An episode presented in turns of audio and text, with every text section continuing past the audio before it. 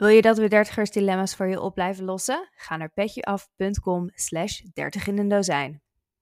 Welkom bij 30 in een dozijn, de podcast waar Jorien, 39 en single, samen met mij, Peet, 32 en verloofd, iedere aflevering een dertigers dilemma oplossen. Met behulp van vrienden, experts en het internet. Volg ons op TikTok en Instagram, 30 in een dozijn. De vraag van vandaag is: welke anticonceptie kan ik in mijn dertiger jaren het beste kiezen? Het is een mega interessant onderwerp en op Instagram werden we overspoeld met vragen. Ehm, er gaan heel veel wilde verhalen rond over hormonen en of je nou wel of geen kind wil in je dertiger jaren. Het is heel belangrijk om te weten waar je aan toe bent. Um, dus we hebben een fantastische expert vandaag. Jo, jij bent recentelijk weer aan de pil gegaan, toch? Ja, ja, dat is, ja, dat inderdaad. Drie weken geleden ben ik begonnen aan de microginon 20. Maar daar bloedde ik zo ongelooflijk doorheen dat ik ben weer overgestapt op de microginon 30. Ik heb niet super veel anticonceptie gebruikt in mijn leven. Uh, ook een beetje omdat mijn moeder daar eigenlijk... Uh, die was niet echt pro-hormonen. Waarom weet ik eigenlijk niet. Maar ja, sowieso heeft hormonen best wel slecht, een slecht image, valt mij op, ook bij mijn vriendinnen. Dus ik heb in mijn jeugd, toen ik 17 was, had ik mijn eerste vriendje. Toen zat ik ook aan de microginon. En toen zei mijn moeder dat mijn karakter was veranderd. En ik weet niet of dat nou echt zo was. Of dat ik gewoon 17 was, aan het puberen was, een vriendje had. En dus niet meer alleen naar haar luisterde. Dus toen moest ik veranderen van de pil. Maar ja, dat is dan toch iets wat je wel bijblijft. Nou, uh, dat ging natuurlijk uit. En toen op een gegeven moment een spiraaltje genomen. Dat vond ik eigenlijk best prettig. Ik kreeg daar wel hele dikke borsten van. En ik had al best wel een boezem. Dus toen ik dat spiraaltje eruit haalde na vijf jaar, dacht ik, nou, maar goed, die borsten bleven. Dat spiraaltje is eruit. Maar dus nu eigenlijk, ik heb denk ik acht jaar geen anticonceptie gebruikt. En nu dus weer de microginon. En ik weet het eigenlijk nog niet zo goed wat ik ervan vind. Uh, hoe ik me voel. Uh, dus ik, ik ben super blij dat we deze podcast gaan maken. Want deze podcast had ik heel graag 25 jaar geleden geluisterd. Misschien wel 10 jaar geleden geluisterd. Wat zeg ik, zelfs een maand geleden geluisterd. Dus ik hoop dat we heel veel vragen kunnen stellen en uh, voor elke leeftijd een antwoord kunnen vinden. En we gaan alle anticonceptie langs, dus misschien aan het eind van de avond weet je wat je wel wil. Ja, nou, Peet, maar jij zit aan de spiraal. Ja, ik ben net als elke 17-jarige aan de microginon 20 begonnen. Heb ik heel kort gedaan, al vrij snel naar de spiraal. Ik heb al mijn derde. En ik zweer erbij. Ik wil, ik ben een soort spokesperson voor de Mirena spiraal. Ik vind het fantastisch. Ik zou het iedereen aanraden. Het zetten is helemaal niet erg. Het is fantastisch om niet ongesteld te worden. Met name met modellenwerk toen ik er aanging was het heerlijk om niet ongesteld te worden. Um, dus ja, ik ben helemaal pro Mirena. Nou, laten we beginnen met wat feitjes. Oké, het laatste onderzoek uh, rond dit onderwerp komt uit 2016, 2017. Het nieuwe onderzoek komt pas in 2023 uit, maar wat feiten uit het laatste onderzoek. Van alle zwangerschappen is 26% ongepland en 15% ongewenst. De rest van de zwangerschappen, 59%, is gepland. Ongeveer 60% van de vruchtbare vrouwen die niet zwanger zijn of niet zwanger willen raken, gebruikt anticonceptie. Vrouwen van 25 tot met 39 jaar gebruiken het condoom het vaakst. Vrouwen van 40 tot 49 het spiraaltje. 1 op de 12 vrouwen van de 18 tot met de 49 jaar gebruiken geen betrouwbare anticonceptie en heeft wel seks. Ze zijn vruchtbaar, maar willen niet zwanger worden. Deze groep loopt het grootste risico ongepland zwanger te raken. Nou, gelukkig is er vandaag ook weer een gast aangesloten. Uh, die ons alles kan vertellen over hormonen en anticonceptie. Vandaag is Nicole Burger bij ons te gast, 39 lentes jong, gynaecoloog in het uh, Amsterdamse UMC.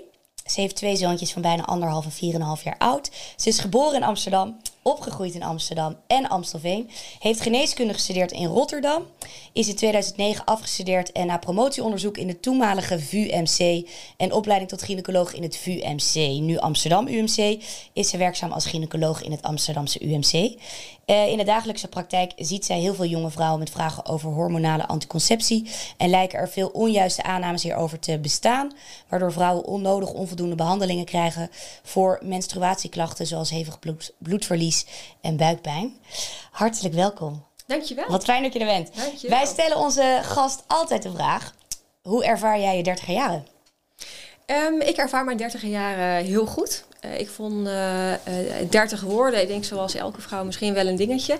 Maar eigenlijk vind ik het leven um, in de 30 jaar alleen maar beter worden. Ik heb een opleiding gevolgd in mijn 30 jaren, wat een hele leuke periode is. Ik heb een kinderen gekregen in mijn 30 jaren. Mijn man kende ik al. Eh, ik ben getrouwd in mijn dertiger jaren. Ja, dus mijn dertiger jaren, ehm, ja, die zijn, eh, die zijn goed. Gevuld met hoogtepunten, zo Ja, te horen. ja. hey, laten we snel beginnen, want wij hebben alleen al heel veel vragen. Maar onze luisteraars dus ook. Ja. Wat we net al zeiden, eh, de hormonen, het woord hormonen of überhaupt hormonen, heeft hele negatieve lading. Klopt dat? Ja, dat is iets wat wij absoluut in de spreekkamer heel veel merken. Ik zie inderdaad heel veel jonge vrouwen, ehm, laten we zeggen tussen de 15 en de 45 eh, het meeste. Eh, en een heel groot deel van de, ik denk zeker hier in Amsterdam, de jonge hoogopgeleide Amsterdamse vrouw, die, eh, daar lijkt een heel negatief stigma te berusten op hormonen. Waar ik niet helemaal de verklaring voor heb, maar daarom is het heel goed dat we het er vanavond over gaan hebben. Ja, want is het terecht dat men zo negatief over hormonen denkt? Nou, ik denk dat het goed is om altijd kritisch te zijn als je een medicijn gaat gebruiken. Om daar goed over na te denken, waarom wil ik iets? En wat zijn voor mij de voor- en de nadelen dat je dat afweegt. En dat je daar zelf een, een kritische keuze in maakt. Eh, maar dat moet wel gestoeld zijn op de goede informatie. En dat lijkt soms te missen. En daarom denk ik dat het heel goed is dat we dat vanavond eh, gaan, gaan bespreken. Ja. Want daar laten we dan maar direct beginnen. Een van die vragen is, kan je eh, onvruchtbaar worden van het slikken van hormonen? Van de pil bijvoorbeeld. Nee, je kan niet onvruchtbaar worden door de pil. Eh, vruchtbaarheid is iets wat op heel veel factoren natuurlijk berust. Dat is niet alleen één, één aspect. Eh, ik denk goed om misschien toe te lichten. Hè, de werking van de pil is voornamelijk het voorkomen van een ijsprong. Als er geen eitje springt, kan je dat eitje nooit bevrucht worden en kan je dus nooit zwanger worden. Maar het doet niks op je eicelvoorraad. Ja, als vrouw word je geboren met je hele eicelvoorraad. En wat er normaal gesproken in een cyclus gebeurt, is dat er elke maand een groepje eicellen wordt klaargelegd. En één van die eicellen, de beste, gaat uitrijpen. En dat is een ijsprong. De pil onderdrukt dat stukje, maar, maar heeft geen enkele invloed op die eicelvoorraad. Dus nee, ehm, je wordt niet onvruchtbaar door het gebruik van de pil. Maar stel je voor, ik ga op mijn 16 aan de pil. En ik stop op mijn 26e. Krijg ik dan eigenlijk een ijsprong van de eitjes die ik op mijn 16e had kunnen? Die ik op mijn 16e anders had laten ijspringen. Zeg je dat? Wat probeer je te zeggen? Nou, als je, als je dus... Of je het bevriest, Ja. is dat je Ja, vraag? Nee, nee dus je eicellen worden... je eicellen zijn de leeftijd die jij hebt. Oh, dus als jij, ouder. Ja, jammer, maar helaas. Dus als jij nu op je 39ste een ijsprong hebt, is dat een 39-jarige eicel. En die heb je niet kunnen stoppen door het gebruik van de pil. Dat zou Ja. de toekomst zijn, maar dat hebben we niet. En alsnog raak je elke maand meerdere eicellen kwijt. En die voorraad wordt minder Precies. hoog. Precies.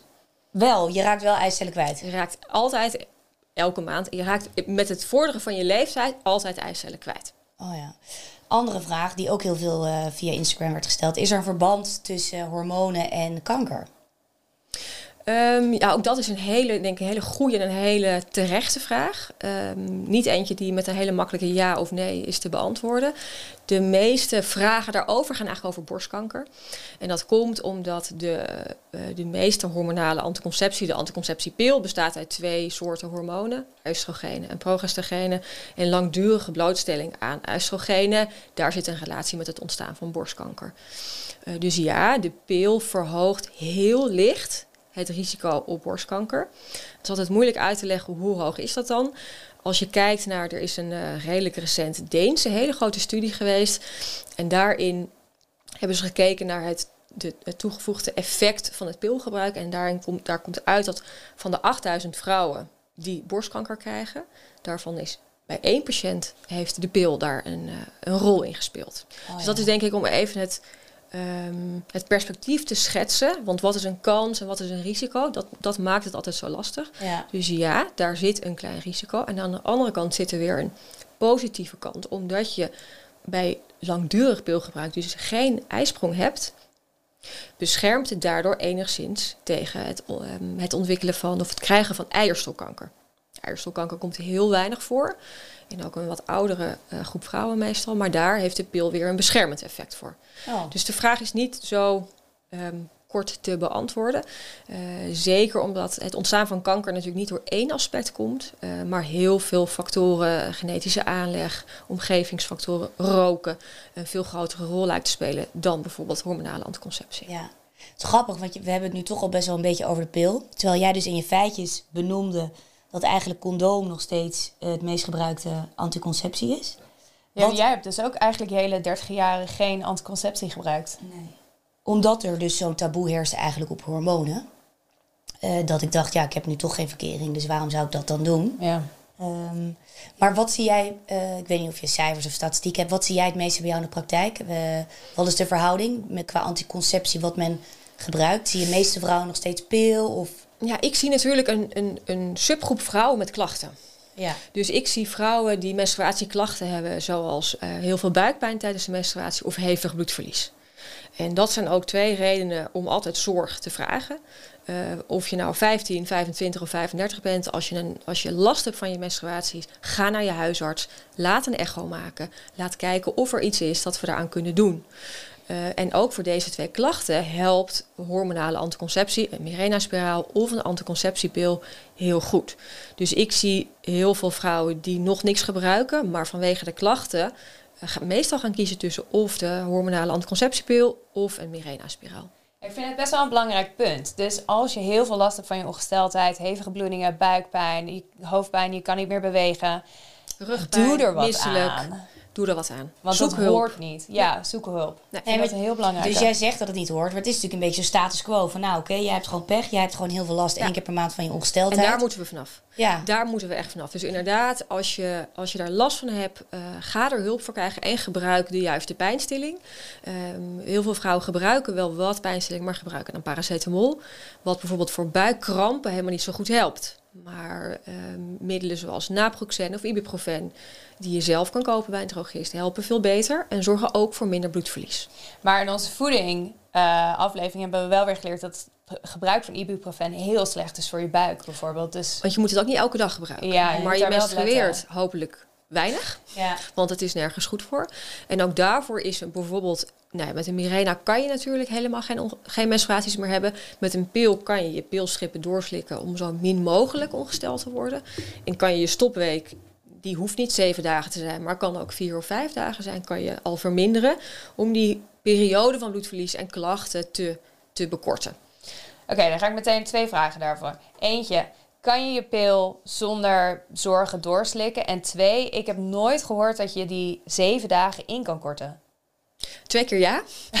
Eh, dat laatste hoor ik heel vaak, want ik leg het, ik leg het altijd uit. En, en voor de meeste vrouwen die zeggen, "Huh, nee, maar het moet zeven dagen. Mhm. Wie zegt dat het moet? Want het, je moet een, on- of je moet, de bedoeling is dat je een onttrekkingsbloeding krijgt, eh, zodat je daarna weer kan starten. En dat hoeft niet zeven dagen te zijn. Dat kan net zo goed vijf dagen zijn.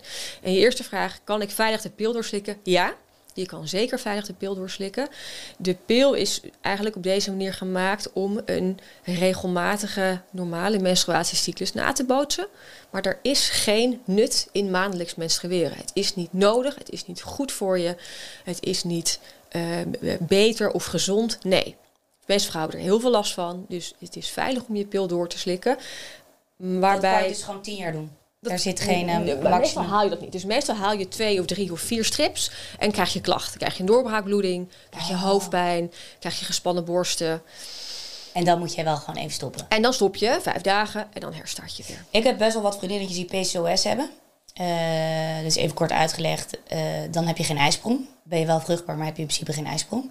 Is er een korrel, en dat zijn allemaal meisjes over het algemeen die op jonge leeftijd met de pil zijn begonnen. Op hun zestiende. Is daar een relatie tussen PCOS en de pil? Nee, die is er niet. Ik denk, nog, ik denk dat het goed is dat je in de intro zegt... ze zijn op hun zestiende vaak begonnen aan de pil. Als je op je zestiende de diagnose PCOS krijgt... dan moet je eigenlijk achter je oren krabben.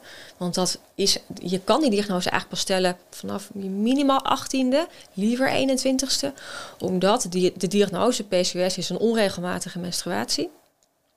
Ehm, samen met een, bijvoorbeeld een bepaald aspect van de eierstokken met heel veel kiestes, polycysteus ovariumsyndroom of afwijkingen eh, in je bloed, een verhoogd testosteron. Maar als je 16 bent, heb je superactieve eierstokken en liggen er altijd al heel veel eiblaasjes klaar. Wat normaal is, dat is geen PCOS.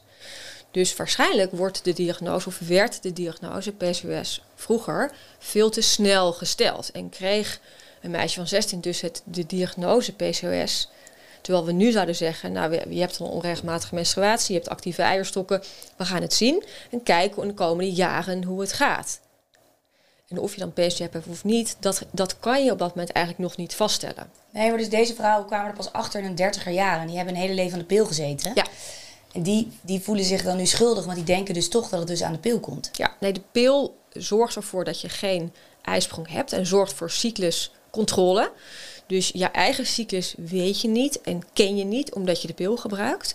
Dus het kan heel goed zijn dat je in die periode PCOS had, maar je hebt het nooit gekregen door de pil. Want de pil heeft geen blijvend effect op je cyclus. Als je stopt met de pil, komt je eigen cyclus op gang. En als dan blijkt dat je PCOS hebt, Ja. kom je daar dan achter. Maar dat is geen oorzaak-gevolg. Je krijgt geen PCOS Dat heb van je gewoon. pilgebruik. Ja, oké. Duidelijk. Hey, en wat vind je eigenlijk van huisartsen? Dus ik ging dan een maand geleden, of het is er niet in de algemeenheid, maar ik ging dus een anderhalve maand geleden naar mijn huisarts toe. En ik heb op zich twee superleuke vrouwen waar ik het onwijs goed mee kan vinden. Dus die zeggen dan, nou, hey, Jorien, waarom, waarom moet jij dan aan de anticonceptie? Nou, gewoon omdat ik dat wil, zeg ik dan. En dan, nou, oké. En dan vraag ik dan, wat raad jij mij aan? Eh, en dan heb ik ook toch wel heel erg het idee. Dus dan zeg ik, ja, ik wil eigenlijk geen hormonen. Joh, waarom wil je geen hormonen? Ja, nou, gewoon, dat wil ik eigenlijk niet. Maar zij zijn dan niet helemaal pro-koperspiraal. Want daar schijn je dus ontzettende bloedingen van te kunnen krijgen. Eh, maar dan, dus dan adviseert, me ze, adviseert ze me zo'n pil. Ik heb het idee dat... Ik vraag me wel eens af of alle huis, dat het ook heel persoonlijk is voor de huisarts. Hoe vind jij dat de huisartsen zijn ingelicht?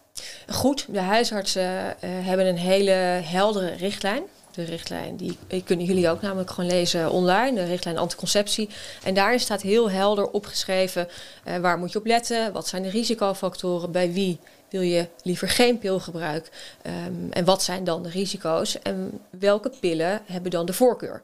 En dat is inderdaad een microginon 30, die eigenlijk standaard als eerste wordt voorgeschreven. Ehm, en dat komt omdat het, het ehm, gunstigste bijwerkingenprofiel heeft. Dus de meeste vrouwen hebben weinig bijwerkingen van een microginon 30. En de risico's, of bijvoorbeeld een van de risico's van pilgebruik is een trombose. Dus Ja. een bloedpropje in bijvoorbeeld je been. Eh, en bij microginon is daar van de pillen die er zijn, die heeft een van de laagste risico's. Daarnaast is hij ook heel goedkoop. Dus dat zijn allemaal ehm, eh, factoren die bepalen dat in de richtlijn bepaald is, die geschreven is door een groep huisartsen eh, en ook een gynaecoloog, on- onder andere. ehm, dat, dat er is gezegd, nou dat is de eerste keus. En dat betekent niet dat dat de eerste en de enige keus is. Maar wat ik ook vaak zeg tegen vrouwen is, het is een, het is een gezamenlijke zoektocht om te kijken welke vorm van anticonceptie past nu bij jou. En dat bij de een ben je in één keer klaar en is de microgenom 30 goed. En de ander heeft daar bijwerking van, dan ga je zoeken naar iets anders. Ja, Dus het is een goede eerste in principe. Om daarna door te Absoluut. experimenteren. Ja. Oké. En waarbij het ook de, de, tijd, de tijd moet geven. Dus je kan niet eigenlijk na twee weken zeggen, dit werkt niet voor mij. Dat kan. En dan, dan moet je ermee stoppen en switchen naar iets anders. Eh, maar als je wil, echt wil kijken, wat is het effect van een pil op mij? Of een vorm van anticonceptie? Dan wil je het liefst iemand dat ongeveer drie maanden probeert. En dat je dan evalueert. Hé, hoe is het? Wat voor bijwerkingen heb je? Omdat je ook weet dat de bijwerkingen meestal van voorbijgaande aard zijn. Dus die zullen meestal weer na een maand of drie minder worden. Ja, dat is toch wel een goede tip. Want ik was begonnen aan de microginon der- eh, 2030. Ik kreeg een dikke buik, man. En ik bleef maar bloeden. En ik eh, voelde me ook een beetje relaxed. Ehm, en ik had zoveel buikpijn. Toen dacht ik, dat ben ik helemaal niet gewend van als ik begin aan de, aan de pil. Ik de huisarts gebeld. Chlamydia-test gedaan. Ik denk, ja, eh, misschien heb ik op een vieze wc-bril gezeten, weet ik veel. nou, gelukkig geen chlamydia. Maar ik vond het dus super gek dat ik dus inderdaad deze keer anders reageerde dan op de pil eh, een paar jaar daarvoor toen ik eraan was begonnen. Ja. Eh, maar dus microginon 20 of de microginon 30 zou ook nog steeds jouw eerste keuze zijn. Een betreft, 30 is de eerste keus. Ja, Wat betreft bijwerkingen. ja. ja. En omdat wat- het de, de meest, een van de meest veilige pillen is. Want je, als bijwerking heb je natuurlijk dat je er dikker van wordt. Een van de bijwerkingen zou kunnen Zou zijn kunnen dat zijn, je ja. er dikker van zou kunnen worden. Dikker van zou kunnen worden. Grotere borsten. Wat gebeurt in zo'n 1 tot 10 procent grotere borsten? 1 Kan. tot 10 procent, ja. Oké, dat is goed. eh, eh, en, eh, en dat je wat ehm, donkere gedachten kan krijgen. Hoe zeg je Ja. dat? Ja, wat Ja, depressieve gedachten, stemmingswisselingen, eh libidovermindering. Ehm, Wat zijn daar de percentages ongeveer voor? de- allemaal ongeveer deze 1 tot 10 procent. Oké, dus dat valt reuze mee. Ja, Waar komt dan dat slechte imago van die hormonen dan toch vandaan? Ik moet nog even aanvullen op jou. Ja, ik denk dat valt mee. Ja, dat, dat klopt zeker. Waarbij het natuurlijk ook is dat het kan voorkomen. Maar als je een lijst met bijwerkingen gaat bekijken en je, en je denkt, oh, dat heb ik allemaal. De, het betekent niet dat je ze allemaal krijgt. Het betekent dat je een kans hebt dat je één van die bijwerkingen zou kunnen hebben. Meestal tijdelijk. En als het, als het niet voor je werkt, dan is er, zijn er een x aantal alternatieven. Want Nou ja, want, allemaal op want dat was natuurlijk een beetje mijn vraag ook aan mijn huisarts toen. Van ja, ik ben nu in de 30. Wat nou als ik zo meteen de liefde van mijn leven tegenkom? Kan natuurlijk elk moment gaan gebeuren. En stel, we hebben allebei een kinderwens. Ja, je gaat natuurlijk niet meer nog tien jaar eh, de wereld rondreizen met z'n tweeën. Eh, wat is dan een goede anticonceptie? Is dat een spiraaltje, wat me eigenlijk best wel goed beviel? Of dan toch de pil? Nou, zij adviseerde mij de pil. Wat zou jij mij geadviseerd hebben? Ja, één van die twee. En het is vaak niet zozeer wat, wat hè, het advies is. Het is samen kijken, wat vind jij... Vind jij het plaatsen van een spiraal heel vervelend? Zie je daar heel erg tegen op eh, of niet? Ehm, eh, kijk, de pil heb je natuurlijk volledig in eigen hand. Dus je kan stoppen wanneer je wil. Een spiraal moet je laten verwijderen door je huisarts. Maar één van de twee zou ik, je, zou ik ook zeggen. Eén van de twee, omdat allebei je ook de beste eh, anticonceptieve werking heeft. Maar van het spiraaltje zeggen ze weer dat de hormonen daarvan plaatselijk zijn. Ja. Eh, en dat, dat het met, het met de pil door je hele lijf heen gaat. Dus dat je eventueel meer last van de hormonen zou kunnen hebben. En ze zeggen ook bijvoorbeeld van het spiraaltje, als je graag zwanger wil worden. En ze halen het spiraaltje eruit, dat je vaak extra vruchtbaar bent. Die laatste, die ken ik niet. En ik zou ook niet kunnen verklaren, waar, er, is, er is niks wat extra vruchtbaarheid zou kunnen geven. Je, bent, je hebt een be- bepaalde mate van vruchtbaarheid en die wordt niet ineens beter. Eh, was het maar waar. Eh, maar met beide, hè, met zowel de, het stoppen van de pil als het verwijderen van een uh, Mirena-spiraal, waar we het dan denk ik nu over Ja. hebben, ben je direct weer vruchtbaar. En komt je eigen cyclus direct weer op gang. Dat is niet dat het bij de pil langer duurt dan met een... eh, Nee, dat kan bij de pil langer zijn als je de pil met name langdurig hebt gebruikt. Dus als je jaren de pil hebt gehad, kan het eh, soms langer duren voordat je eigen cyclus op gang komt ehm, dan bij een Mirena. Dus dan zou ik hieruit concludeer ik dat als je kinderwens hebt en je zit al lange tijd aan de pil, wil je misschien toch voor een paar jaar overgaan naar Mirena-spiraal. Ehm, Nou, ik denk dat we dan over 15 jaar pilslikken praten, of niet? ja, ja, vijf jaar wellicht ook al. Oh, oké. Dat, dat, die, die getallen zijn er niet, eh, zijn niet, dat is niet heel, heel eh, goed onderzocht. Oké, je had het over de twee ehm, hormonen die in de pil zitten. Maar er zijn ook er zijn hormoonloze pillen. Ehm, nu ga ik twee woorden zeggen die ik eigenlijk niet uit kan spreken. Clia, cla, Claira? Clara? Clara? Of wil je iets anders? Die? ja? En Zoli? Zuli? Ja? Zoli, nou kijk, daar gaan Ja. we. Ehm, zou je die eventueel kunnen aanraden? Zeker, die raden wij eh, veelvuldig aan eh, in, in onze dagelijkse praktijk. Ehm, omdat het ook daarin twee pillen zijn die, en heb ik het dus met name over de vrouwen met menstruatieklachten, buikpijn, hevig bloedverlies, eh, heel, goed, heel goed kunnen werken. Maar wat is het voordeel eh, boven van deze pillen boven de microginon eh, 30 bijvoorbeeld? Nou, er, er is niet een specifiek groot verschil, maar het kan bij de ene vrouw kan veel bijwerking hebben van een microginon 30. Eh, of, bijvoorbeeld onvoldoende cycluscontrole. Ehm, als je heel veel last van je menstruaties hebt, wil je zo min mogelijk menstrueren. En als je naar microginon 30 prima gaat, maar je kan maar e- na één strip moet je stoppen omdat Ja. je bijwerkingen krijgt. Of een doorbraakbloeding krijgt, wil je misschien een andere pil proberen waarbij je misschien twee strips kan doorslikken. En als dat met een Zuli wel lukt, omdat het net een andere, ook daar zitten dezelfde hormonen in, maar net een, een zusje en een broertje ervan met een iets andere samenstelling, dan kan je daar soms net anders op reageren. En stel je krijgt een beetje donkere gedachten van de hormonen, van de microginon 30, dan zou dat dus ook een goede optie zijn. Ja, er is een heel palet aan, aan, aan pillen eh, die, Ja. die, eh, waartussen je kan wisselen, veilig. En dat kan je in principe ook allemaal met je huisarts bespreken. Die kent al deze pillen ook. Kijk, weet je wat ik ingewikkeld vind? En ik weet niet zo goed wat jouw mening daarover is. Maar jij weet natuurlijk ook als geen ander. Die farmaceuten die zijn natuurlijk gewoon stinkend rijk. En die proberen natuurlijk ook gewoon dat te promoten. eh, waarmee zij zelf rijk kunnen worden. Ja, Eh, dat is de reden waarom er elke keer weer nieuwe pillen... Ja, want in tijden van crisis, Komen. mensen blijven toch wel ziek worden. Dus mensen blijven toch wel geld uitgeven aan medicijnen. Ik bedoel, de enige die echt lekker rijk is geworden aan die coronacrisis zijn natuurlijk gewoon weer de farmaceuten. Maar dat is natuurlijk ook met de pil. Eh, het is maar net welke farmaceut de diepste zakken heeft om heel veel geld uit te geven aan marketing. En dat in principe eh, bij de huisarts onder de aandacht te kunnen brengen. Wat, wat, wat vind je daar dan van? Krijgen we dan wel altijd de beste, de beste pil? Nou, ik denk dat de farmaceuten die, die zullen blijven ontwikkelen om de beste pil te willen maken. Ja. Want die zullen wij veelvuldig voorschrijven. Ehm, en er komen ook nog steeds elke x aantal jaren nieuwe pillen eh, op de markt. Eh, omdat de behoefte er nog steeds overduidelijk is, maar de ideale pil er nog niet is. Dus wat, wat vind ik van de farmaceutische bedrijven? Ik vind het goed dat ze daar, daar hun geld in steken om met nieuwe pillen, die bewezen veilig zijn, en natuurlijk heel veel onderzoeken op de markt kunnen komen. Om te kijken of dat voor een subgroep vrouwen die alle ehm, orale anticonceptiva al hebben geprobeerd en, en gewoon die ene niet kunnen vinden. En wellicht is dit die, die ene die voor hun goed werkt. Ja, dat kan ik alleen maar toejuichen. Ja. In Nederland ben je wel verplicht om de goedkoopste versie van een pil te- van een medicijn te krijgen, toch?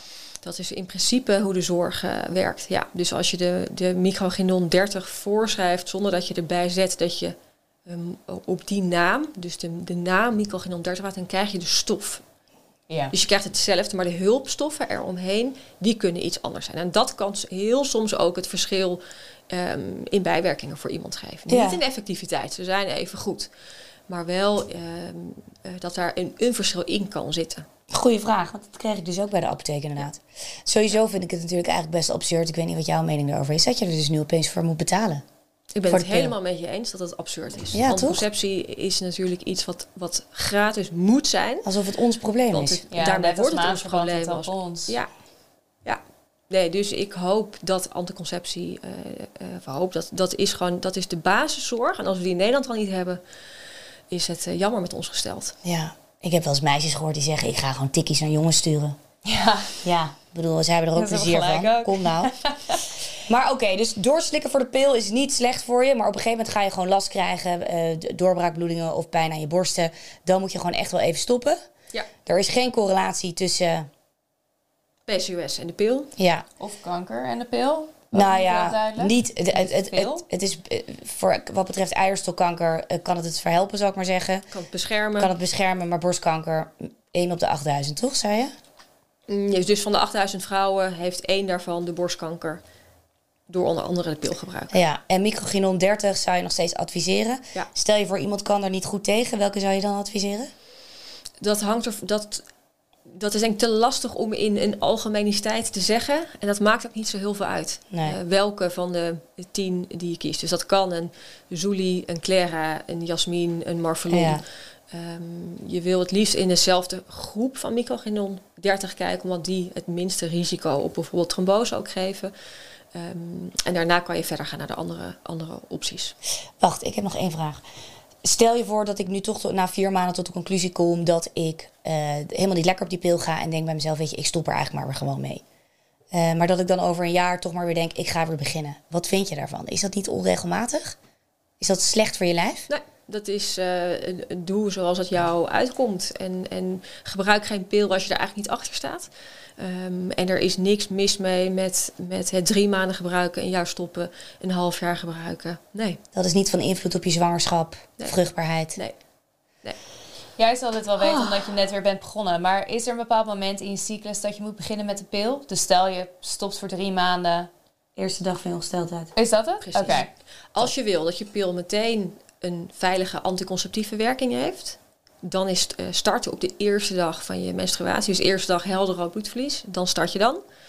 Als je hem gebruikt omdat je heel veel last hebt van andere klachten, zoals tussentijds bloedverlies, en je hebt laten analyseren dat dat niet door iets anders komt, ehm, dan kan je beter een week, een week na het starten van je menstruatie beginnen. Maar in principe, als je het voor anticonceptie gebruikt, eerste dag van je menstruatie. Ja, maar het is gewoon, je blijft alleen wel gewoon dan er doorheen bloeden een Ja. paar weken. Dat is irritant. Ja. En als je in principe gewoon eh, op een random dag begint, niet. Ja, klopt. Oké. Oké. Spiraal. Spiraal. We gaan naar spiraal. We hebben het er net al even over gehad. Maar wil jij eens ehm, het verschil uitleggen tussen de Mirena-spiraal en de koperspiraal? Ja, een koperspiraal is een eh, spiraal die in principe vijf of tien jaar eh, je, je kan laten zitten. En die lokaal koper afgeeft. Ehm, koper zorgt ervoor dat je eh, het lokale milieu in een baarmoeder verandert en eigenlijk toxisch wordt. Dus een embryo zal minder genegen zijn om daarin te willen innestelen. Het, het heeft een effect op het slijmvlies, wat allemaal ongunstig is om uh, een embryo in te laten nestelen. En daarmee voorkomt het een zwangerschap. Het heeft geen invloed op een ijsprong. Want een koperspiraal heeft geen enkel effect op jouw cyclus. Dus jouw menstruele cyclus is hetzelfde. Maar met een koperspiraal heb je meestal langer en heviger bloedverlies tijdens je menstruatie. Geen hormonen, maar heviger bloedverlies. Ja. Dus als je normaal twee dagen ongesteld bent, zou dat nu vier tot vijf kunnen zijn. Ja. En niet alleen langer, maar ook meer bloedverlies. Ja, shit. Hoeft niet, maar is wel vaak wat er gebeurt. Maar wel vaak, gewoon 90 procent. Vaak. Dus de koperspiraal, dit is eigenlijk nieuws voor mij. koperspiraal die voorkomt geen zwangerschap, maar die maakt het een vijandige omgeving voor een embryo om te blijven leven als je een embryo een... Ja, en zorgt ervoor dat het slijm in je baarmoederhals ook ongunstig is om überhaupt doorheen te komen voor een spermacel die door de vagina, door de baarmoeder, door een eileider moet. Oké. Weer wat geleerd? Het, heeft dus, het, het is dus nooit aan te raden om een koperspiraal te nemen als je al last hebt van hevige menstruaties met veel buikpijn en veel bloedverlies. Dan zou ik dus niet een koperspiraal aanraden. En, het en je hebt een grotere kans op een baar buitenbaarmoederlijke zwangerschap, toch? Bij elke spiraal heb je iets verhoogd risico. Oh, elke spiraal. En de Mirena is een uh, spiraal wat uh, zes jaar uh, kan blijven zitten. Uh, wat lokaal uh, alleen progesteron afgeeft, dus één soort hormoon. En daarmee eigenlijk het lokale milieu dusdanig beïnvloedt dat, je, dat het ongunstig wordt voor een uh, embryo en een spermacel om daar te komen. beïnvloedt ook het cervix slijm, dus maakt weer die barrière voor die spermacel om daar doorheen te komen. Um, en ongeveer een kwart van de tijd heb je bij een Mirena wel ijsprongen. Dus oh. wel een ijsprong. Maar dan ook is het dus weer bijna onmogelijk voor een spermacel om door het vlies heen te gaan. En het is weer een vijandige omgeving. Ja. Oké. Ja. Maar je ehm, wordt niet meer ongesteld. Dus hoe wordt het eicelletje dan afge... Het kan dat je niet meer ongesteld oh. wordt. Dus een deel van de vrouwen uh, wordt helemaal niet meer ongesteld. Dat is voor de meeste vrouwen een walhalla natuurlijk. Maar een deel van de vrouwen heeft maandelijks wat bloedverlies. Of maandelijks een klein beetje bloedverlies of spotting. Um, en er is een klein deel van de vrouwen wat dagelijks spotting heeft. Dus dagelijks een klein beetje bloedverlies heeft. Waarbij we weten uit onderzoek dat als je maar lang genoeg wacht, die bijwerking zou je het kunnen noemen, wel zal stoppen.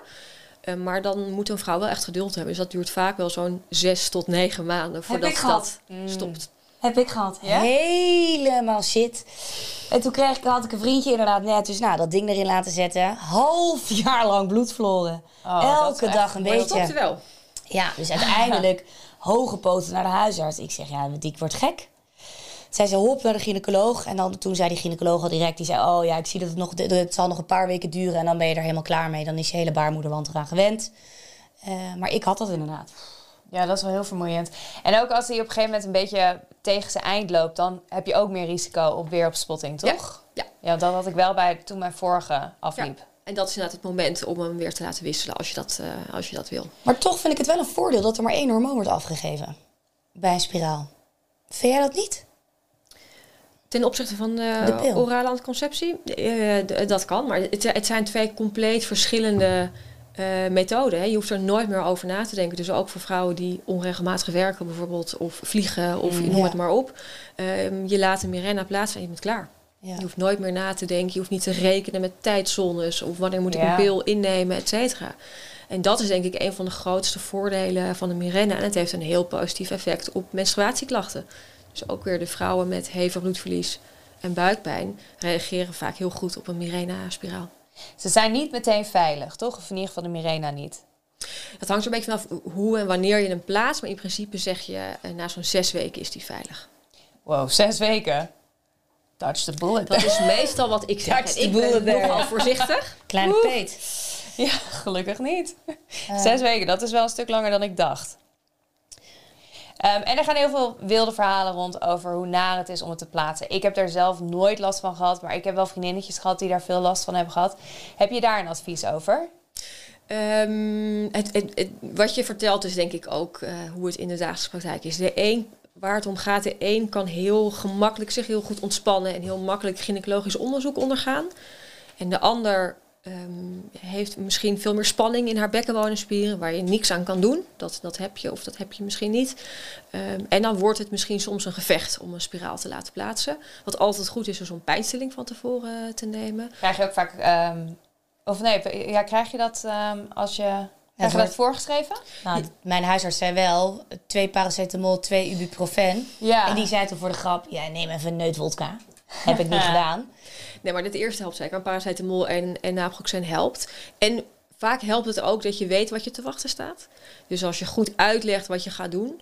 ehm, ehm, en eh, wat ik soms wel eens doe bij jonge vrouwen die daar best wel tegen opzien. Dat je een soort oefent hoe het gaat. Zonder dat je dus daadwerkelijk een spiraal, de spiraal plaatst. Maar dat je een keer zo'n spreider plaatst. Zo'n Oh, ja. enebek plaatst. En als dat al niet gaat. Oh, ja, ja. Dan, dan zegt iemand dan zelf van "Nee, dit wil ik eigenlijk niet. Verstandig. Eh, en als iemand dat heel makkelijk kan ondergaan, of je maakt eerst eens een vaginale echo en dat gaat goed. Stap 2 misschien een gynaecologisch onderzoek, zo'n spreiderplaats en dat gaat goed. Nou, dan eh, kan je met elkaar een beetje polsen, gaat dit of gaat dit niet. Maar het moet geen marteling worden. Nee. Want dan denk je bij elke keer dat je naar een gynaecoloog moet, dan verkrampt alles al eh, op voorhand en wordt het alleen maar pijnlijker. Ja. Ja, je kan natuurlijk niet voor anderen praten, maar het is eigenlijk gewoon vijf minuten tanden op elkaar. Vind ik. Hopelijk nog iets minder. nog meer, nog maar minder zelfs. voor de een is het wel echt veel pijnlijker dan voor de ander.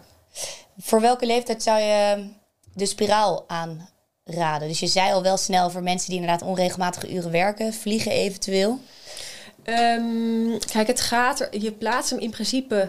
In principe plaats je een spiraal niet bij iemand die eh, nog niet seksueel actief is, dus die nog maagd is. Eh, maar niks is een altijd. Ja, dus je hebt een. eh, ik zie wel eens een 16-jarig meisje eh, die er heel goed over na heeft gedacht. Die, om, die voor anticonceptie en voor het verminderen van menstruatieklachten heel graag een spiraal wil.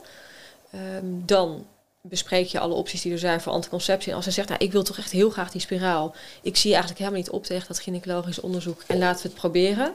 Prima, laten we het proberen. Met de afspraak dat je altijd kan stoppen. En dan stop je ook direct. Dat kan. Je kan ook een 16-jarig meisje hebben die het echt wel heel spannend vindt. Of misschien denkt dat het wel goed gaat, maar op het moment suprem dat je in die gynaecologische stoel moet en je benen daarin moet zetten, het eigenlijk toch niet meer fijn vindt. En dan moet je het dus niet doen. Nee. En dat kan op je 16e zo zijn, dat kan op je 26e zo zijn en op je 36e ook. Wat is, waarom is die reden dat je, dat je, als, dat je prefereert dat iemand geen maagd is? Is dat echt alleen om het maagdenvlies? Nee, dat gaat om ehm, je ook kunnen ontspannen.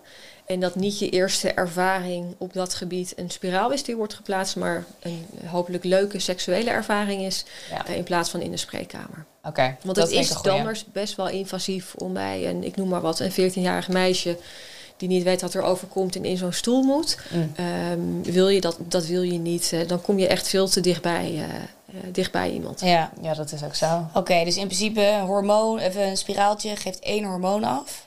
Ja. Het is goed inderdaad als je een onregelmatig leven leidt. Ik zou het ook inderdaad zeker studenten adviseren. Ja, die precies. natuurlijk gewoon Precies. soms tot drie uur 's middags in een nest liggen te meuren. Ja.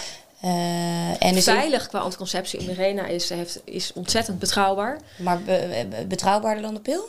Gelijk. Al gelijk. Eh, en dus in principe voor de dertiger ook gewoon hartstikke goed het spiraaltje.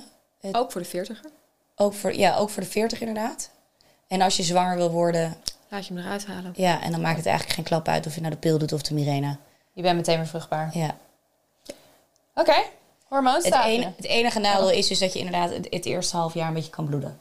En dan is de pil Ja, beter. en de plaatsing kan dus voor sommigen eh, ja. Heel pijnlijk zijn. Ja. Of heel fijn zijn. Of bijvoorbeeld iemand die een eh, negatieve seksuele ervaring heeft doorgemaakt.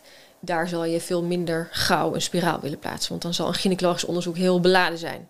Dus zo Ja. iemand zal je eerder een andere vorm van anticonceptie willen, willen Ja. ehm, geven. ja, dat Maar als het ik. wel lukt te plaatsen, dan ben je er bij de Mirena ook zes jaar vanaf. En bij een koperspiraal vijf tot tien jaar. Ja, vijf of tien jaar, afhankelijk van welke koperspiraal je vijf plaatst. of tien Ja. jaar. Ik heb nog één aanvulling op die spiraal, want we hadden graag. het over de eh, Mirena. En je hebt het zusje van de Mirena, die Kilena. Dat is een, ehm, een iets kleiner spiraaltje die iets minder hormonen bevat. Dat is waar we het net over hadden. De farmaceutische industrie heeft dat slim bedacht. Want die dacht, hé, hey, die gaat zo goed, die Mirena. Kan ik daar nog eh, iets op bedenken? En ze hebben, hun marketing heeft zeg maar De de name versie. op de light versie voor de adolescent die anticonceptie wil. Hij is maar een heel klein beetje kleiner. Ehm, hij is verder net zo goed anticonceptief, ehm, maar is niet bewezen zinvol voor vrouwen met uh, menstruatieklachten. Dus als je menstruatieklachten hebt, is het een Mirena. Hormoonstaafje, Hormoonstaafje. De implanon. Ja, die bedoel ik. Uh, een hormoonstaafje is een staafje van zo'n um, 4 centimeter lang, ik denk een paar millimeter dik. Die kan je, ja, ja. Die plaatje. Jorien doet het even met haar vingers na. In je, de, het formaat. Uh, ja, boven je elleboog, in je, in je bovenarm, kan je die laten plaatsen onder je huid. Dus eigenlijk til je je huid op en daar schuif je hem uh, in onder, onder lokale verdoving bij de huisarts. En die geeft lokaal één soort hormoon af, weer die progesteron, die ook die Mirena afgeeft. Um, en kan uh, twee tot drie jaar blijven zitten. Dan kan je dus niet zo makkelijk zelf verwijderen, want het verwijderen is weer verdoven, een klein sneetje maken en hem eruit halen.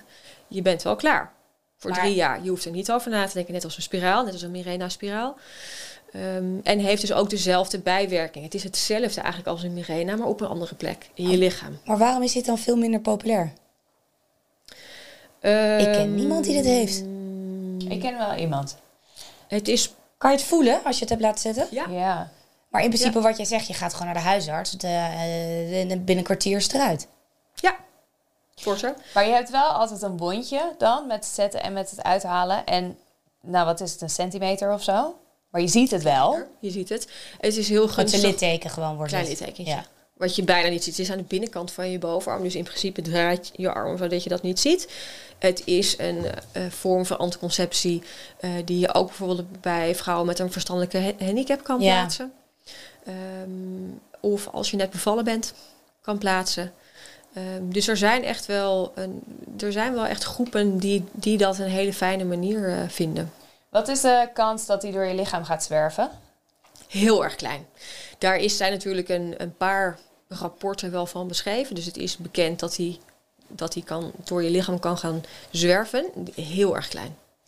En wat is dan het risico dat hij helemaal ingekapseld wordt met littekenweefsel? Heel klein. Want je blijft hem eigenlijk heel goed voelen. Hij zit ook heel oppervlakkig. Dus hij zit niet diep ergens onder in je, diep in, in het weefsel, maar hij zit net onder je huid. Je kan hem eigenlijk best ook optillen, want hij, helemaal hij zit gewoon los in het weefsel. Maar ik kan me wel voorstellen, stel je voor, je laat zo'n hormoonstaaf plaatsen en je wil zwanger worden en dat ding is kwijt in je lijf, ja, dan word je compleet gestoord. Lijkt mij. Ja. Maar dat heeft dus dan, ja. ik vind het dan, um, het, verba het verbaast me dan dat het niet zo bekend is. Dit bedoel ik dus een beetje ook met de diepe zakken van de farmaceuten. Weet je, waarom, heeft zo'n, waarom is zo'n hormoonstaafje dan minder populair? Alsof nou, daar meer, minder marketing... Het minder lang kan blijven zitten. En omdat het op een andere manier invasief is. Um, Wat is invasief? Uh, um, de, je moet dus in je arm prikken. Dat staafje, om hem erin te zetten. En er blijft iets achter. En dat achterblijven in je lichaam, dat is iets wat veel vrouwen uh, een bezwaar tegen hebben. En die hormonen gaan dan in principe je bloedbaan in? Net zoals bij een Mirena-spiraal. Wel hetzelfde dus ja. bij een Mirena, want... Ja, maar in een lage concentratie. En bij een Mirena is het ook een lage concentratie. Maar je Mirena is heel lokaal, toch? Dan gaat het niet door je lijf? Lokaal, maar nog steeds komt er iets in je lijf. Oké. Okay. Ja. Maar, de, maar eh, minder dan bij de pil? Ja. ja. Uh, Oké, okay. jeetje, je hormoonstaafje. Dus eigenlijk vergelijkbaar met die Mirena. Twee tot drie jaar werk, werkt het. Je ja. plaatst het in je lijf. één hormoon. Ja. En misschien gewoon zelf goed in de gaten houden. Of je hem nog voelt zitten. Ja. ja maar die, die kans dat hij, dat hij gaat zweven is echt heel erg klein. Dus daar, daar zou ik me dan niet heel veel zorgen om maken. Nou, ik ben hier niet negatief over. uh, de Nuva-ring. Ik heb vriendinnetjes die de Nuva-ring hebben. Ja, daar hoor ik ook goede verhalen over. De Nuva-ring is een ringetje die je zelf als vrouw uh, eigenlijk een beetje in kan knijpen. Je plaatst hem vaginaal. Hij geeft daar uh, de hormonen af. De, vergelijkbaar eigenlijk met de orale anticonceptiepil. Het is hetzelfde, maar op een andere manier. Je laat hem zitten en je haalt hem eruit. En dan, heb je, dan krijg je een onttrekkingsbloeding. Zoals hetzelfde is in een stopweek. Um, je moet hem wel op een heel specifiek moment terug doen, toch? Als je hem eruit haalt. Nee, wat bedoel je met een heel specifiek moment? Nou, op een bepaalde dag en een, ja, en net zoals het starten tijd. van de pil. Niet een bepaalde tijd. Je wil net als bij de pil heb je ook het liefst dat iemand die elke dag rond hetzelfde tijdstip, ik noem maar wat, 11 uur s'avonds inneemt. Um, en bij een Nuvaring ga, gaat het wel omdat je hem die dag weer plaatst om je te blijven beschermen tegen een zwangerschap. Het tijdstip niet zozeer. Ik heb wel gehoord dat zo'n Nuvaring, dat veel mensen dat dus dan er toch ook uithalen als je seks hebt. Dat, Ja. dat eh, mensen dat fijner horen vinden. ook, eh, en mijn huisarts zei, nou ja, Jorien, zo'n nu- Nuvaring wil je er toch even elke dag uithalen om schoon te wassen. Sommige vrouwen doen dat. Ja. Ja, Kan je die op geen enkele manier fout plaatsen? klopt. Die kan je op geen... Als je hem maar in de vagina zet, dan komt het goed. Oké. Je, je kan daar eigenlijk niks verkeerd mee doen. En die heeft ook eigenlijk vooral dus lokaal hormonen. Eh, ja, die natuurlijk alles wat je lokaal geeft, of bijna alles, dat zal wel weer worden opgenomen. Ehm, ehm, maar is in principe ook lokaal. Het Maar gaat- heeft ja. qua bijvoorbeeld tromboserisico een minder gunstig profiel dan een microgynon 30. Dus een grotere kans, of groter, een grotere kans op trombose Ja. dan de pil. Ja. Zelfde hormonen als de pil. Ja, Kan er niet uitvallen. klopt. Wat voor groep mensen zou je dit aanraden? Ehm, het is niet zozeer dat ik deze nou specifiek zou aanraden. Het is wat ik vaak doe. Ik bespreek de vormen van de anticonceptie. En als een vrouw zegt, oh, maar dat, dat wil ik eigenlijk heel graag. Go for it. Ja. Ehm, maar het is niet dat ik denk, oh, dit is nou voor, voor een specifieke groep handig. Want je moet er nog steeds wel aan blijven denken. En dat, en bij, bij de pil is dat elke dag. Dat maakt het soms weer makkelijker. Want je weet dat je er elke dag aan moet denken. En bij een Nuvaring is dat anders. En kan dus daarom ook juist wat moeilijker zijn. Ehm, hoe vaak heb je een nieuwe Nuvaring nodig? Je plaatst een Nuvaring één keer. Die blijft drie weken zitten. En als je een eh, stopweek wil hebben, haal je hem dan eruit. Net zoals je stopt met de pil. En dan krijg je een onttrekkingsbloeding. En, En- daarna plaats je dus weer een nieuwe. Is, Oh, dan krijg ook weer een hele nieuwe. het is gewoon een plastic ringetje, eigenlijk het randje van een condoom. Maar, eh, en krijg je er dan dus ook meerdere als je naar de apotheek gaat? Ja. Afhankelijk van wat je huisarts voorschrijft, maar meestal wel. Oké. Meestal begin je met de drie, net zoals dat je de pil drie maanden meestal voorschrijft en dan gaat evalueren hoe gaat het. Ja, ik, vind het, ik hoor goede verhalen over dit Nuvaring. Ehm, dan de anticonceptiepleister. We, wat is dat? Want die kende ik eigenlijk ook nog niet, totdat ik hierin ging Daar kijken. heb ik ook nog nooit van gehoord. De anticonceptiepleister is een, eh, een kleine pleister die eh, ongeacht sporten, zweten, douchen kan blijven zitten. Eh, die plaats je één keer per week en heeft verder dezelfde, eh, is verder vergelijkbaar eigenlijk met een orale anticonceptiepil, maar in een andere toedieningsvorm. Maar dezelfde hoeveelheid hormonen. Om en nabij dezelfde hoeveelheid hormonen. Qua, daarin meer vergelijkbaar met de Nuvaring dan een eh, orale anticonceptiepil. Waar plak je de pleister? Maakt niet uit. Op, op een stukje huid. De meeste vrouwen doen het op een stukje huid wat eh, verder niemand ziet. Ehm, het maakt niet uit. En je, heb je daar ook weer een stopweek in? Of dat blijf je plakken? Net zoals de, de pil kan je er dus voor kiezen om na drie weken te stoppen. Zodat je een onttrekkingsbloeding krijgt. En dan weer te starten. Maar zou je hem ook door kunnen plakken. Oké. Welke doelgroep gebruikt dit veel? Ik, ben ik heb er nog nooit over gehoord Ik schrijf, ik schrijf hem heel weinig ook voor. Ik heb heel weinig vrouwen die daarop zeggen: Oh, dat trekt me nou heel erg aan. We, sch- we schrijven hem, eh, hoe ik hem het meeste ken, is bijvoorbeeld vrouwen met overgangsklachten. Dus een hele andere groep vrouwen. Ja. En die hem voor overgangsklachten eh, de, de pleister gebruiken. Of een deel van de pleister. Je kan hem dus knippen om een lagere dosering te krijgen. En op die Oh. manier wat ehm, hormoontherapie toe te dienen. Oké. De prikpil, daar heb ik wel van gehoord. Ja. En wat heb je daarvan gehoord? Dat het voornamelijk eigenlijk wordt gebruikt. eh, ik weet niet hoe ik dit op een nette manier kan verwoorden. Eh, nee, ik bedoel meer dat het vaak wordt gebruikt ook voor doelgroepen die, waarvan het beter is dat ze niet zwanger worden. Mhm. Dus eh, inderdaad, Verstandelijk beperkte ja, vrouwen bedoel je Ja. bijvoorbeeld? Ja. De prikpil ehm, is eigenlijk denk ik een van de vormen van anticonceptie eh, waarvan ik denk dat de doelgroep er misschien wel niet meer is. Dus de prikpil bestaat al een hele tijd. Wat je doet is je plaatst een, eigenlijk een, een depot, een grote hoeveelheid ehm, hormonen eh, in je bil of in je bovenbeen. En daarmee eh, ben je drie maanden klaar. En in die drie maanden kan je dus niet zwanger worden. Ehm, heb je vaak geen menstruatie, maar heel veel bijwerkingen. Hoofdpijn, gewichtstoename eh, en tussentijds bloedverlies. Komt dat omdat je ineens zo'n hoge lading hormonen in je lijf krijgt? Ja.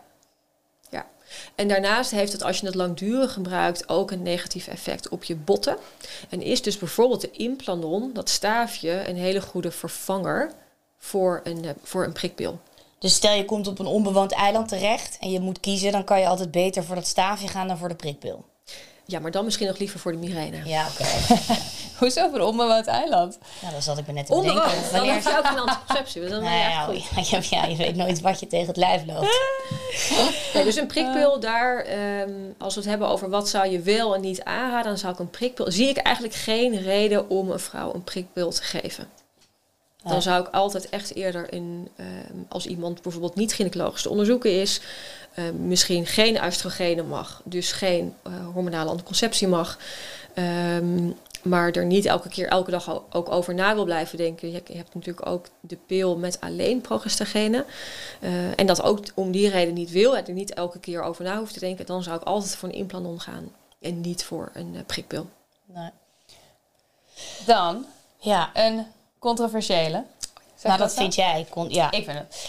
Ehm, de apps. Er zijn een heleboel apps waar je je cyclus kan bijhouden.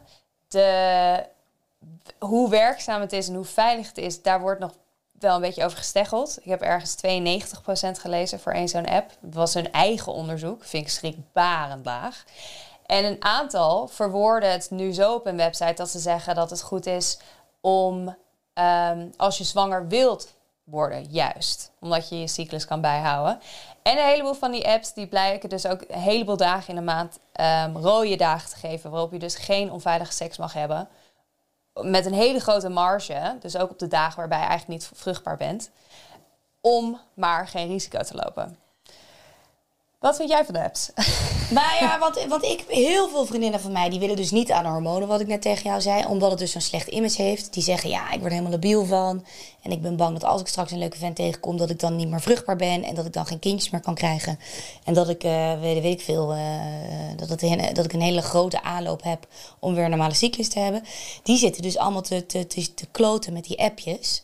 Of voor het zingen de kerk uit. En dus sowieso in mijn omgeving zie ik het heel veel. En ik hoor van heel veel meisjes van 19, 20 die allemaal super woke zijn en allemaal geen hormonen willen. Die zitten ook allemaal eh, te wippen op basis van die apps. Ja.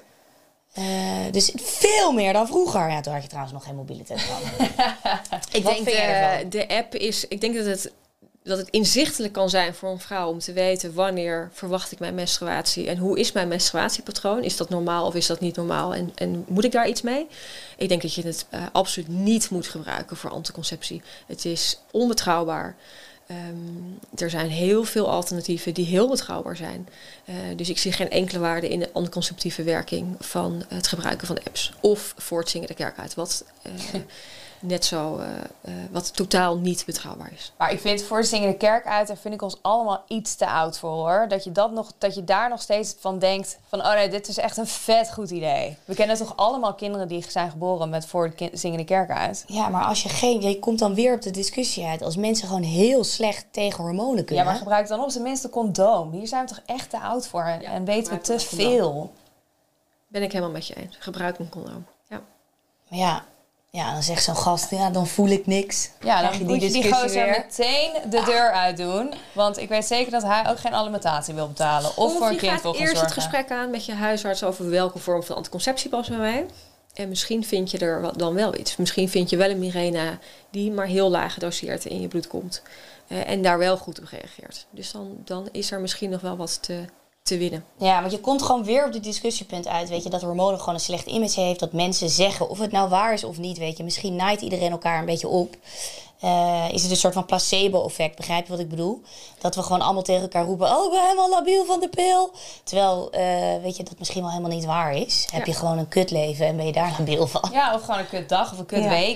Maar, eh, Nou, daar denk ik ook, ga het gesprek aan met je huisarts. Luister naar wat een professional daarover te zeggen heeft. En verdiep je er zelf ook in. ja. Eh, je hebt een hele eh, mooie website, www.anticonceptie.nl.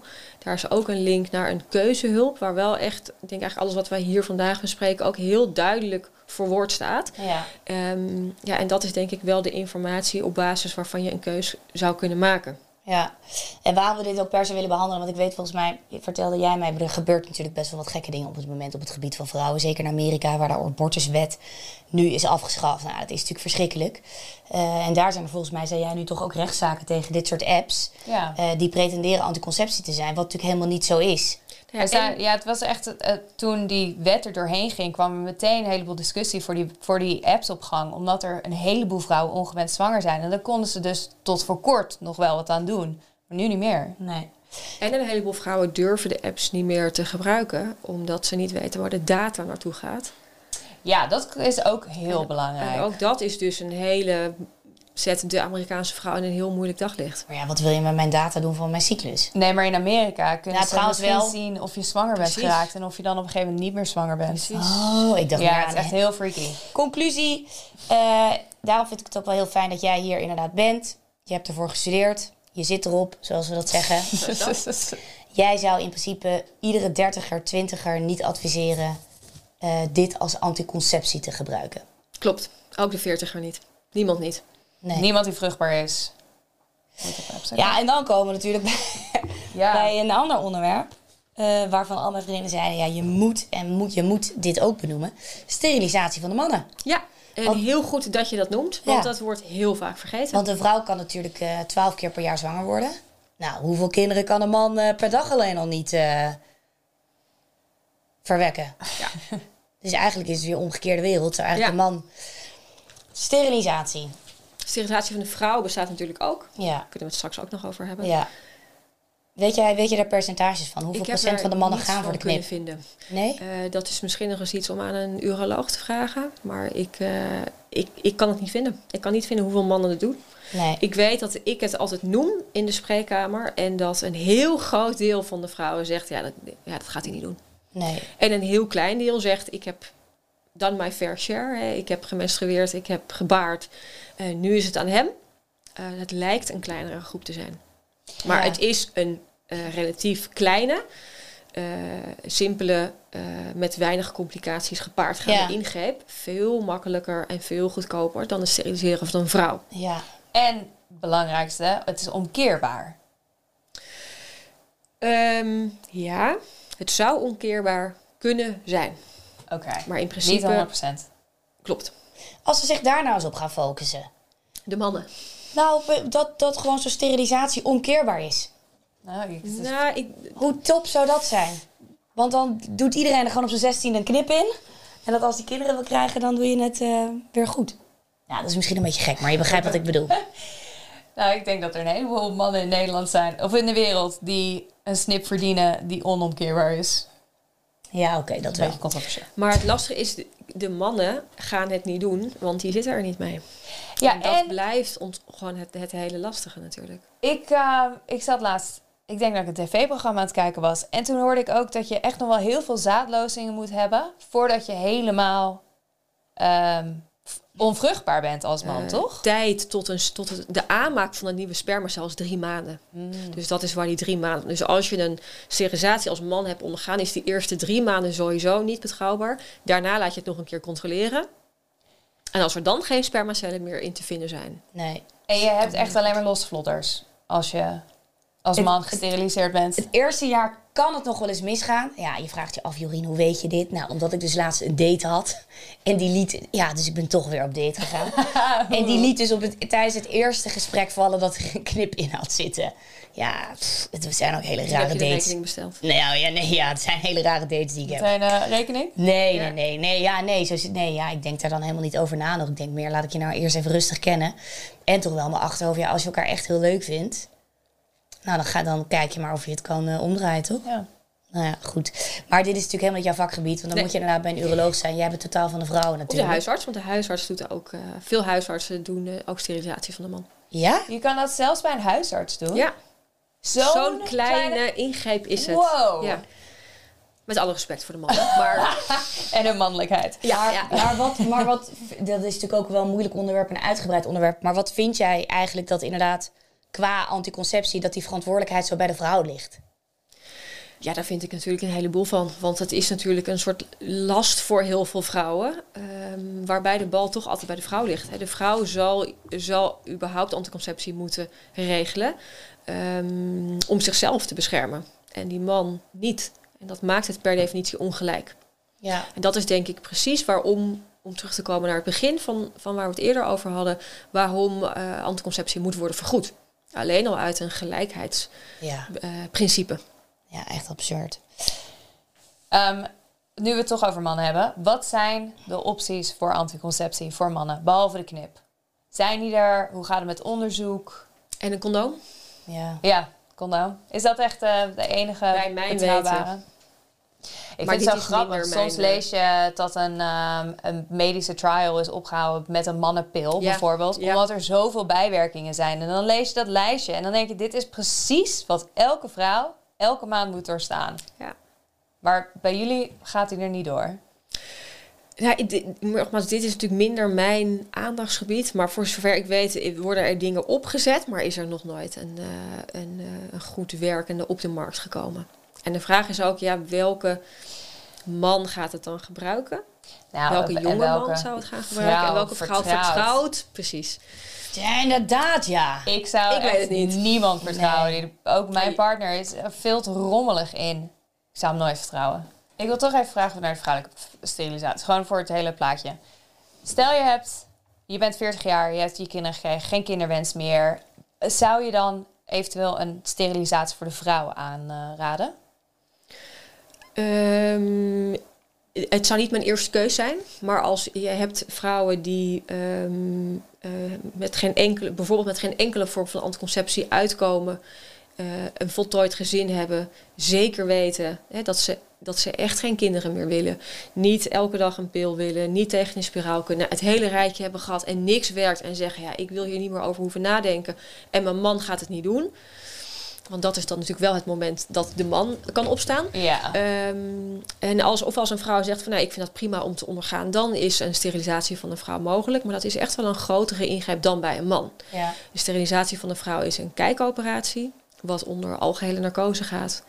Waarbij je kleine openingen, eh, insteekopeningen in de buik maakt, zodat je instrumenten kan eh, plaatsen. En je kan, er zijn verschillende manieren. Je kan een, een clipje op de eileiders zetten, of je kan de eileiders verwijderen. Dat is een manier, zijn de manieren. Maar kan je dan vervroegd in de overgang terechtkomen?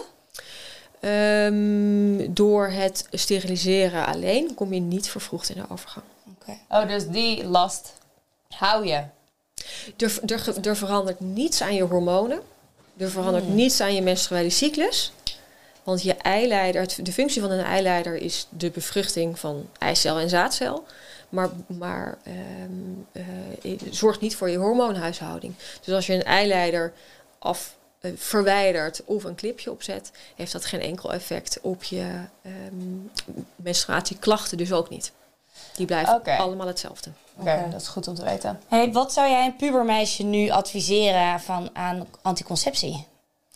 Ehm, ik zou met een puur meisje de opties die we vanavond ook hebben besproken kort willen bespreken en kijken waar zij zich goed bij voelt en waar zij. eh, Kijk, zij moet erachter staan wat zij gaat doen. Ehm, en, en dan zal eh, puur voor anticonceptie ehm, ja, is, zijn de meest veilige methodes de pil of een Mirena. Ja. Ehm, en in sommige gevallen een implanon. Eh, er zijn dat eigenlijk de opties. En bij een jonge, laten we zeggen een adolescent, een meisje van 15, 16, die een pil wil, zou ik zeker zo laag mogelijk beginnen. Een microginon 20. ja. Want dat is je meest veilige eh, en betrouwbare keuze. Vind je het dus dan, eh, de conclusie terecht? Als ze, sorry, als ze niet rookt en geen, eh, eh, niet eerder een trombose heeft. Iedereen rookt natuurlijk nog op zijn zestiende. Nou ja. Ja, dan Ja. raad je dan zo'n meisje aan om wel alleen in de, eh, bij de dokter te gaan zitten. Om dit soort dingen toe te durven geven in plaats van met een ouder. Ehm, nou, kijk, wij, gaan, wij onderzoeken iemand altijd gynaecologisch. En vaak he- zie je dan een meisje alleen. Eh, omdat vaak blijft een mo- moeder of een vader of wie er of een vriendin die mee is achter. Maar op, op een moment probeer ik altijd ehm, de patiënt alleen te spreken. Omdat dat wel vaak het moment is dat, of het nou roken is of een vervelende seksuele ervaring of toch drugsgebruik. Of er, dan kan er, dat is meestal het moment dat er nog iets komt. Ehm, maar ik denk daarnaast, daar hebben we het nog, niet over gehad, maar is wel echt goed om te benoemen dat als je de pil gebruikt, je niet moet roken. Ja. Want het verhoogt je risico op trombose. Eh, dus het gebruik van de pil verhoogt je risico heel licht, maar roken verergert dat. Ehm, en dat En op, Oh. maar op jonge leeftijd zal waarschijnlijk dat risico minder groot zijn dan als je wat ouder wordt, hè? Klopt, dus onder de 35 is dat risico nog kleiner. Dat risico is nog steeds klein. Dan moet je om heel veel redenen niet roken. Eh, maar dit is zeker bij het pubermeisje ook wel weer het moment... en dat vind ik ook onze, verantwo- onze aller verantwoordelijkheid om dat aan te stippen. ehm, hoe sneller ze ermee stopt, eh, hoe beter en hoe makkelijker. Ja. Dus eh, iedereen die nu luistert en aan de pil zit, maar ook rookt, is dat ook so- sociaal roken? Gewoon als je wel eens een sigaret opsteekt, moet je een andere anticonceptie vinden? Ja, moet Het, het is het afwegen van risico's. Precies. Moeten is altijd lastig. Het is het, het absolute advies om. Oké. Eh, de, de, de morning after pill. Eh, toch weer heel even terug naar die hormonen. Want wat je dus nu ziet met die hele woke meisjes. Die gaan dan inderdaad aan de, eh, ja, met zo'n appje. En dan uiteindelijk dus toch anticonceptiepillen gebruiken als... Ja. Of nee, wat is het? De morning after pill gebruiken als anticonceptiepil. Is dat scha- schadelijk, de, de morning after pill? De, de morning after pill op zichzelf is voor jouw vruchtbaarheid eh, niet schadelijk. Het is denk ik een hele onwenselijke trend die wij ook in de spreekkamer zien. Dat eh, jonge vrouwen met name die app gebruiken. Jonge vrouwen zijn meestal per definitie natuurlijk heel vruchtbaar. Ja. Ehm, en dan een morning after pill eh, gebruiken, wat ook niet een 100% garantie is. Ehm, en je daarmee jezelf ook dus soms in een heel moeilijk pakket, eh, een hele moeilijke situatie terecht kan komen. Wat je zo'n jonge vrouw absoluut niet wenst. Nee, het is gewoon een boost aan hormonen wat je krijgt. Ja. Ja, oké. Maar daar zit inderdaad ook geen correlatie mee met onvruchtbaarheid. Nee. Nee, Nee. oké. Alright. Eh, als je dus wat ouder bent en graag zwanger wil worden binnen nu en drie jaar, wat is dan, dat was ook een van de vragen die we binnenkregen. Wat zou je inderdaad van vrouwen van mijn leeftijd adviseren als anticonceptie? Ja, eigenlijk wat ik eerder ook al zei, Ja. samen verkennen wat jouw wensen en jouw voorkeuren zijn. En dan zou ik kiezen tussen een eh, orale anticonceptie of een, eh, of een spiraaltje. Nou, ik wil nog één ding vragen. Als je een kind hebt gehad en je, Oh, ja. wil, je bent heel vruchtbaar volgens mij als je net een kind hebt gehad, Kan. Ehm, of kan. Ehm, wat zou je dan aanraden? Want ja, je benoemde de, hor- het hormoonstaafje. Ja, dat is een optie. Ehm, Misschien is een als je- spiraaltje niet heel chill. Nou, een spiraal kan je plaatsen eh, vanaf zo'n 10 weken na je bevalling. En dat doet niet extra pijn dan? Nee, Oké. nee. Dat is dat eh, als je vaginaal bevallen bent, is dat vaak juist makkelijker te plaatsen ehm, dan voorheen. Ehm, je kan de, als je, het gaat er dan om natuurlijk als je borstvoeding krijgt. Als je geen borstvoeding geeft, kan je de anticonceptie gebruiken die je daarvoor bijvoorbeeld gebruikt. Dus kan je ook de pil gebruiken. Als je wel eh, borstvoeding geeft, ehm, dan kan je bijvoorbeeld die minipil gebruiken ter anticonceptie. Dat is een laag gedoseerde eh, pil die alleen progestagene bevat. Want dat is niet schadelijk voor de baby. Klopt. Klopt, dat is niet schadelijk wat, wat eventueel doorkomt in eh, borstvoeding. Jeetje? Zullen we naar takeaway? Ja. Als jij één takeaway zou willen meegeven aan al onze luisteraars, wat zou dit zijn? Het belangrijkste als je veel menstruatieklachten hebt, zoek hulp. Ja, dat is wel een hele goede tip. Dat dat dus ik, helemaal eh, niet eh, status quo is en dat je daar maar gewoon, gewoon mee moet leren leven. Precies. Als je last van menstruatieklachten hebt, dat hoort niet zo te zijn. Ga naar een laat echo maken. Laat een echo maken. Laat kijken of er iets aan de hand is. En, en of je in ieder geval adviseren wat er te doen is. In de vorm van ofwel pijnstilling, eh, ofwel medicijnen om de hoeveelheid bloedverlies te verminderen. Ofwel de pil, ofwel een Mirena, et cetera. Dus inderdaad, en, en geen paracetamol slikken, dat is echt zonde. Dus Mag erbij, maar ibuprofen en? ibuprofen of naproxen of Aleve. Feminax. Allemaal, het is allemaal hetzelfde. ehm, maar helpt heel goed tegen die krampen van een baarmoeder... waar je vaak heel veel last van kan hebben. Nou, ook dat zullen we even op de site zetten voor iedereen die inderdaad last heeft van menstruatieklachten. Als je menstruatieklachten hebt, dus je hebt veel bloedverlies... of je hebt veel buikpijn tijdens je menstruatie... laat een echo maken. Ja. Zoek hulp. En slik dus de juiste pijnstilling ervoor. Ja, Jeetje, nou dankjewel. Ik heb heel veel geleerd. Ik denk dat ik nu wel heel goed... En als ik nu weer opnieuw aan de... Ik blijf voorlopig aan de pil. Maar ehm, als ik nu een nieuwe keuze zou maken, dan... ehm, heb ben ik je goed geïnformeerd? Ben ik goed geïnformeerd. En ik hoop echt dat deze podcast voor een heleboel, ook jonge meisjes, maar zeker voor onze leeftijd, en ehm, ja, eh, de- de- kunnen helpen. Ja, Ja, heel duidelijk. Ja, dankjewel. Leuk, dankjewel. graag gedaan. Dank jullie wel. Dankjewel voor het luisteren naar 30 in een dozijn. Heb je vragen of suggesties? E-mail ons op vragen@dertiginendozijn.nl en volg ons op TikTok en Instagram 30 in een dozijn. Toedels!